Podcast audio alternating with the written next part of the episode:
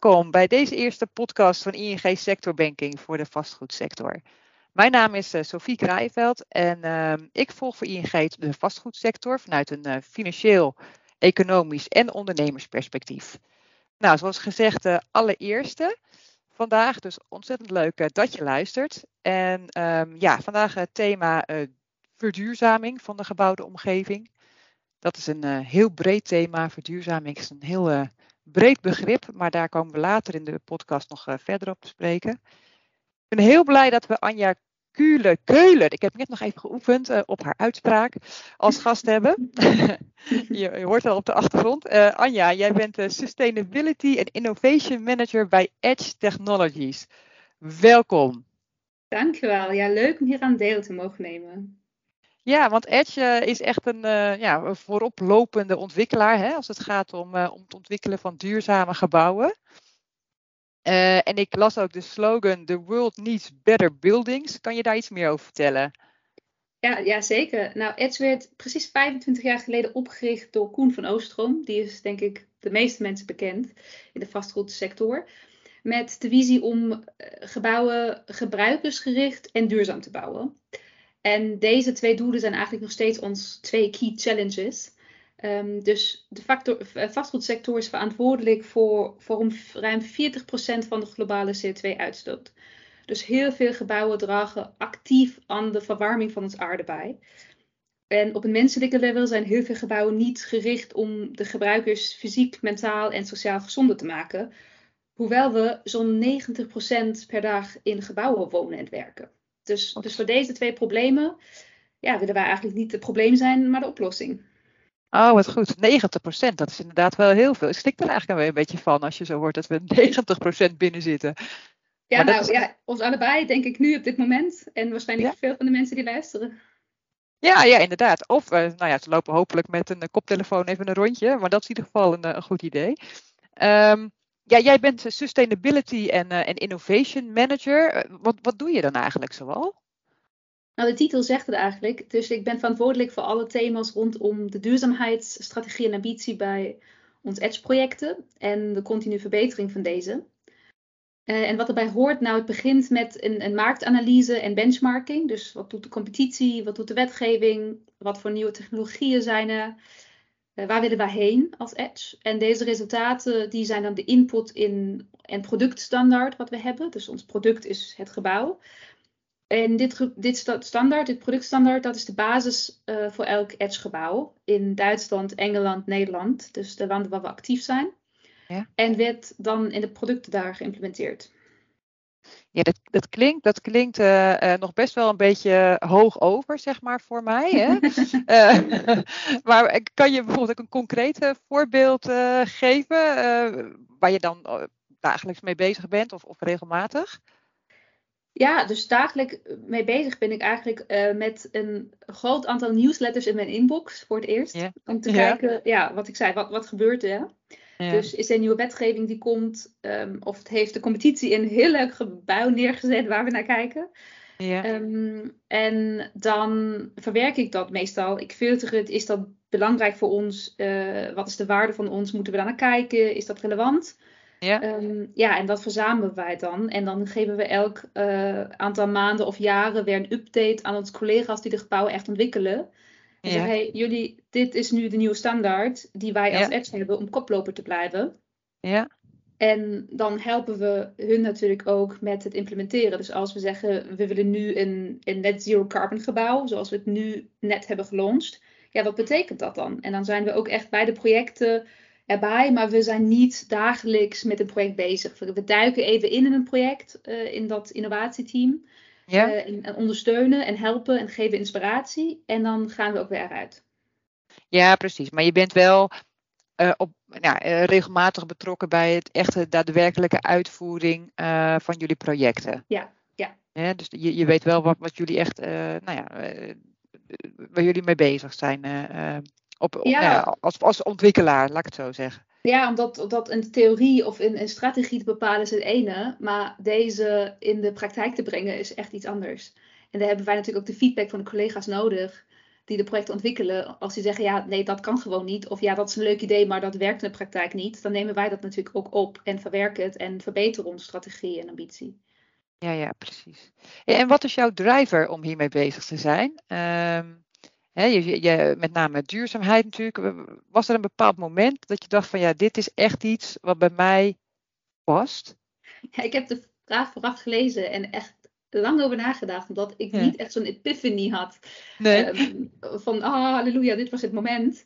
Ehm, ik ben ook niet echt zo'n eco-persoon geweest. Ehm, maar nou, toen ik begon in het thema te verdiepen, nou, en toen ik me realiseerde hoe, hoe groot en hoe slecht de invloed van vastgoed is op nou, de globale emissies, op biodiversiteit, op uh, microklimaat. Nou ja, toen was er eigenlijk geen weg terug meer. Als je één keer naar de kentgetallen hebt gekeken, ja. Ja, dan, dan kan je eigenlijk niet anders. En ik vind de rol aan zich, dus de werk waar ik het net over had, de verschillende taken en dingen waar we mee bezig zijn, dat vind ik superleuk. Het is een mix uit architectuur en technisch kennis. Het is wetenschap, eh, strategie, eh, ook de commerciële kant. Dus het uitleggen aan, aan klanten.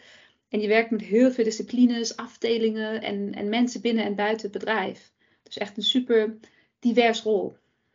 Ja, want wat is jouw achtergrond, uh, Anja? Wat heb je gestudeerd? Ik heb een achtergrond in architectuur in Duitsland. Uh, dus ja, je hoort het. Ik ben van origine niet Nederlands. maar je Nederlands, dat is echt fantastisch. Ja, ja, ik werk inmiddels al, of ik woon inmiddels al uh, zes jaar in Nederland. Ik ben hier naar Nederland gekomen om aan de TU Delft vastgoedmanagement te studeren. Management in the build environment, hoe het heet. Um, het is een mix van architectuur en ja, wat meer algemeen strategisch financieel vastgoed. En dus bij Edge aan de slag gegaan en had, um, ben een beetje door het bedrijf heen gewisseld van links naar rechts en weer terug. En heb uiteindelijk een plek gevonden die heel goed bij, bij mij past, mijn vaardigheden. En uh, ja. Leuk, leuk. Hey, ik, ik zei uh, het volgens mij ook in de intro. Duurzaamheid, ja, het is natuurlijk een heel breed begrip. Hè. Het wordt, uh, nou ja, je kan er de media niet op, op, op openslaan. Hè. Geen krant of geen televisie. En het gaat daarover. Ehm, wat mij betreft is het wel goed om, om in ieder geval één onderscheid te maken. En dan heb ik het uh, over, hè, als je het hebt over uh, vastgoed, over klimaatmitigatie, ofwel de transitie waar we in zitten, hè, dus de vermindering van die CO2-uitstoot. Want jij zei al, uh, de gebouwde omgeving maakt ongeveer 40% uit van die totale CO2-uitstoot.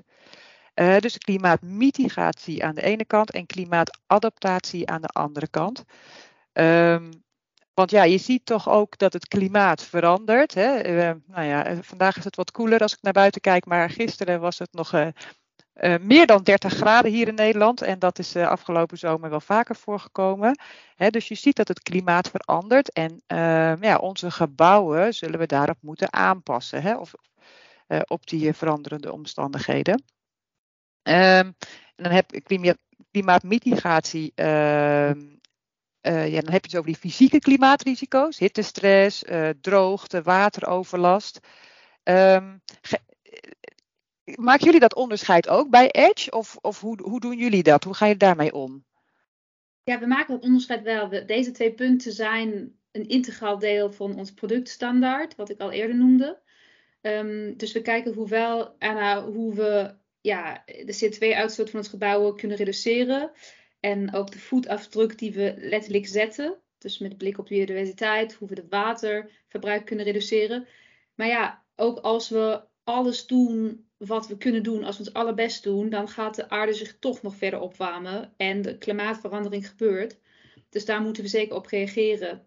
Ja, we maken deze onderscheid wel. Ja, en, en heb je een voorbeeld van een oplossing uh, om het gebied, uh, op het gebied van vermindering van CO2-uitstoot? Dat is natuurlijk een hele brede vraag, maar heb je daar een voorbeeld van? ja. Of het is allemaal tegelijk, een totale pakket. Eh, nou, we hebben net uh, in juli 2022, dus een aantal weken geleden, ons Net Zero Carbon Pathway uh, gelaunched. Ja, dus dat betekent dat we met de mijlpalen 2030 en 2050 het doel hebben om uiteindelijk CO2-vrije gebouwen te bouwen. Dus letterlijk zonder CO2. Wow. En als we over CO2 van gebouwen praten, praten we over twee verschillende types um, so to speak. Dus de operationele CO2-uitstoot, die uit de energie komt die het gebouw gebruikt, dus gas of hopelijk geen gas, zonne-energie, hernieuwbare stroom. En de zogenoemde embodied uh, CO2-uitstoot. Dus de CO2 die in de materialen van het gebouw zit. embodied in de materialen. En voor allebei hebben wij heldere uh, grenswaarden opgesteld. En hebben we natuurlijk binnen het Edge ook heldere uh, stappen gezet om dit te kunnen bereiken.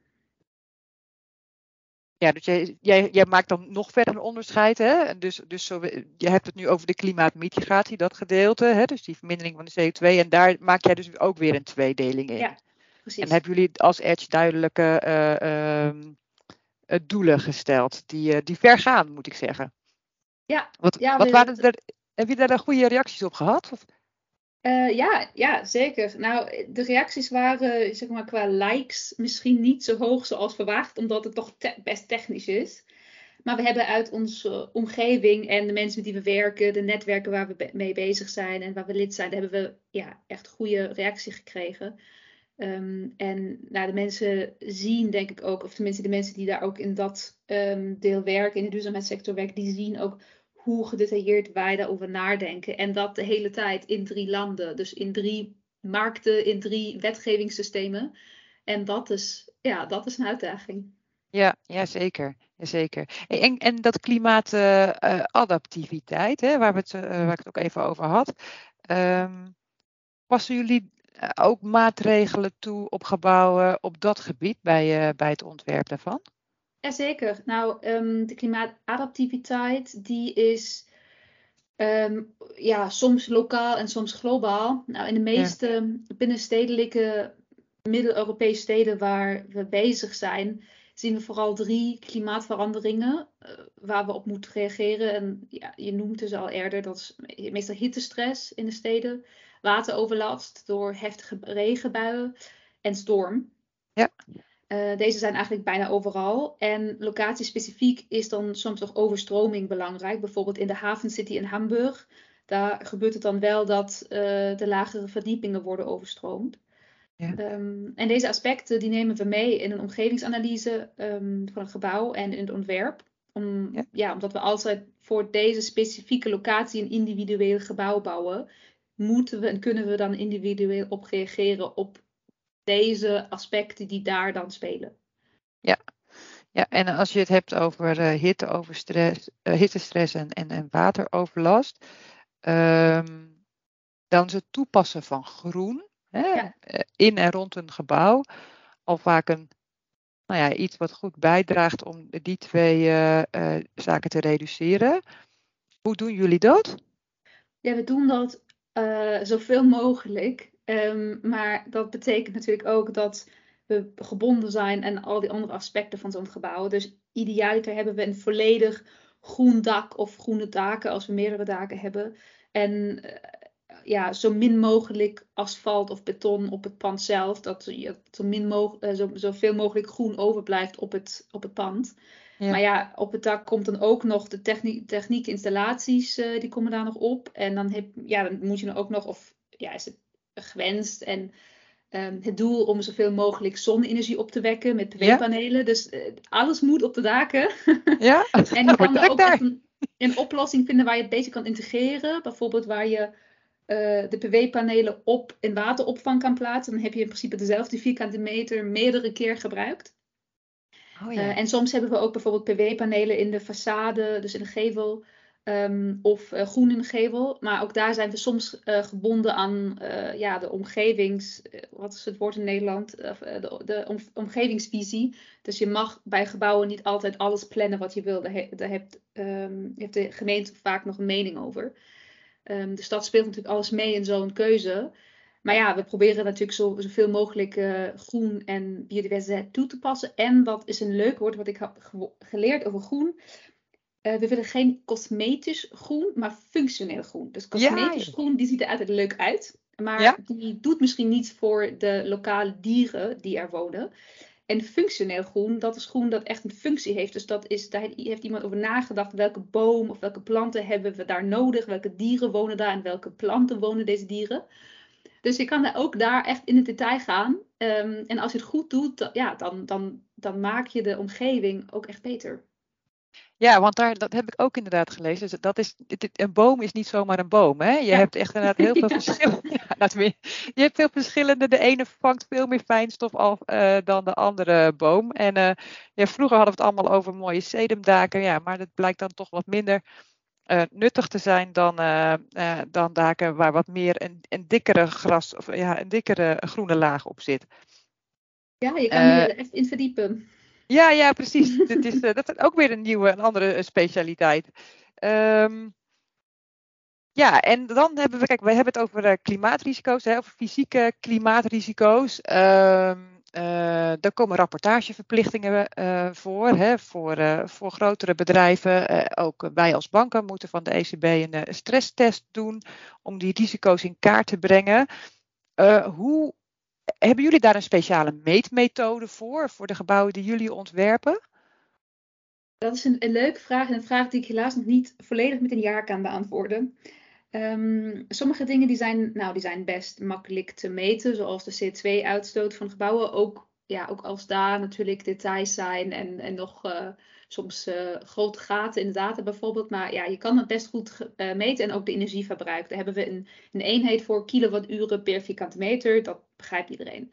Ja. Bij thema's zoals um, biodiversiteit en klimaatadaptiviteit, ja, daar wordt het al mo moeilijker. Vooral biodiversiteit is echt moeilijk om te meten. Je hebt soms, in Engeland zie je dat heel vaak, dat um, ontwikkelaars zeggen het gebouw heeft een 10% net biodiversity gain.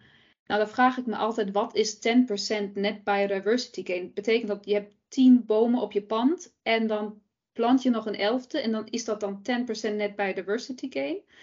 Um, dus eh, we werken daaraan en um, er zijn gelukkig ook bedrijven eh, die daaraan werken. We hebben in, in Hamburg hebben we een uh, certificeringssysteem getest dat heet GreenPass bijvoorbeeld. Um, dus zij willen juist klimaatadaptiviteit en biodiversiteit meetbaar maken. Ja. Maar we hebben tot nu nog geen internationaal kwantificeringssysteem opgesteld. Nee, dat hebben we met z'n allen nog niet gedaan. En dan zijn, er zijn heel veel. Ja, want ik ben daar, wat jij de vraag stellen. Kijk, ik stel de vraag natuurlijk aan jou, Anja, omdat ik zelf hè, uh, ook heel veel behoefte heb aan zo'n systeem. Ik ben ervan overtuigd. Kijk, inderdaad, en als je in Nederland kijkt, uh, hebben we uh, om de CO2-uitstoot te meten, hè, dus de energie-effectiviteit van een gebouw, hebben we de keurige labels. Hè, en die hebben we ook omgezet. In ieder geval, we hebben een eenduidige uh, meetsysteem. Maar als het gaat om die fysieke klimaatrisico's, hebben we dat nog niet. En uh, ik denk dat om, om, daar echt een push aan te geven, hebben we dat heel hard nodig. Ja, om hier nog een, een voordeel te noemen of een, een positieve ja. vibe. Um, in vergelijking voor, voor bijvoorbeeld met Duitsland, dan is het voordeel van Nederland dat er heel veel data beschikbaar is. Dus er is iets dat heet klimaateffectatlas.nl. Ja. Um, dus dat is een heel leuk tool bijvoorbeeld, waar je echt op een gedetailleerde level per straat kan kijken. Wat is de klimaateffect, zoals de wetenschap het heeft berekend, nu en dan ook in de toekomst met een worst en best case. Dus dan kan je voor heel veel verschillende parameters zien. Wat is de wateroverlast, de hittestress, maar ook de groen. Um, dus dat is heel leuk. En Duitsland heb je letterlijk nog uh, geen enkele goede systeem. En alles zit in, in kaarten die zijn vier jaar oud. Um, dus dat is, dat is wel een voordeel van Nederland, dat er heel veel data beschikbaar is in zo'n digitaal land. Oh, dus, dus het, het, gaat binnenkort gaat het komen, denk ik. Hè? Ja. We blijven positief, hartstikke goed. Hey, ik kijk op de klok. Wij uh, zitten al op 27 minuten inmiddels. Uh, hè? Ik, uh, en ik heb nog zoveel vragen, maar nou moet ik nog echt gaan kiezen ook. nou ja, we maken deze podcast hè, natuurlijk met name voor, voor onze relaties. Dat zijn vastgoedbeleggers. Ehm, Waar moeten zij nou op letten als zij willen investeren in een, in een duurzaam gebouw? Wat is dan, uh, nou ja, iets waar jij zegt van nou, dat mag je niet uit het oog verliezen? Nou, um, ja, dan zou ik het graag even over duurzaamheidscertificaten hebben. Omdat dat natuurlijk een um, meetmethode is die graag wordt gebruikt. En ik snap het ook helemaal dat zo'n duurzaamheidscertificaat zoals een BREEAM of een LEED uh, dat maakt het natuurlijk makkelijker voor iemand die niet in het detail zit om te vergelijken, is het ene gebouw beter dan het andere. Maar mijn, ja, tipje zou zijn dat je echt holistisch naar een gebouw moet kijken. Maakt dit gebouw de omgeving echt beter? Ik denk iedereen heeft inmiddels begrepen hoe je de, uh, de punten, de vinkjes bij zo'n certificaat uh, makkelijk kan maken en naar een goede certific certificeringslevel kan komen. Maar ja, we moeten echt kijken dat de gebouwen de omgeving echt beter maken. Um, en waarde toevoegen voor de omgeving en voor de mens. Dus dat is echt iets waar je ja, het liefst zou moet opletten. Ja, dat je zegt, kijk eigenlijk verder dan de certificering alleen. Ja. Dus uh, nou, dat lijkt me een ontzettend mooie afsluiter, Anja. He, dus uh, kijk verder naar de certificering, dan de certificering alleen. Ontzettend bedankt uh, voor dit gesprek, Anja. Ik eh, weet zeker dat wij in de toekomst elkaar nog vaker gaan spreken. Eh, met alle mooie dingen eh, die jij doet en die Edge Technology, Technologies doet. ontzettend bedankt en, en jullie bedankt voor het luisteren. Dankjewel voor de uitnodiging en tot zo.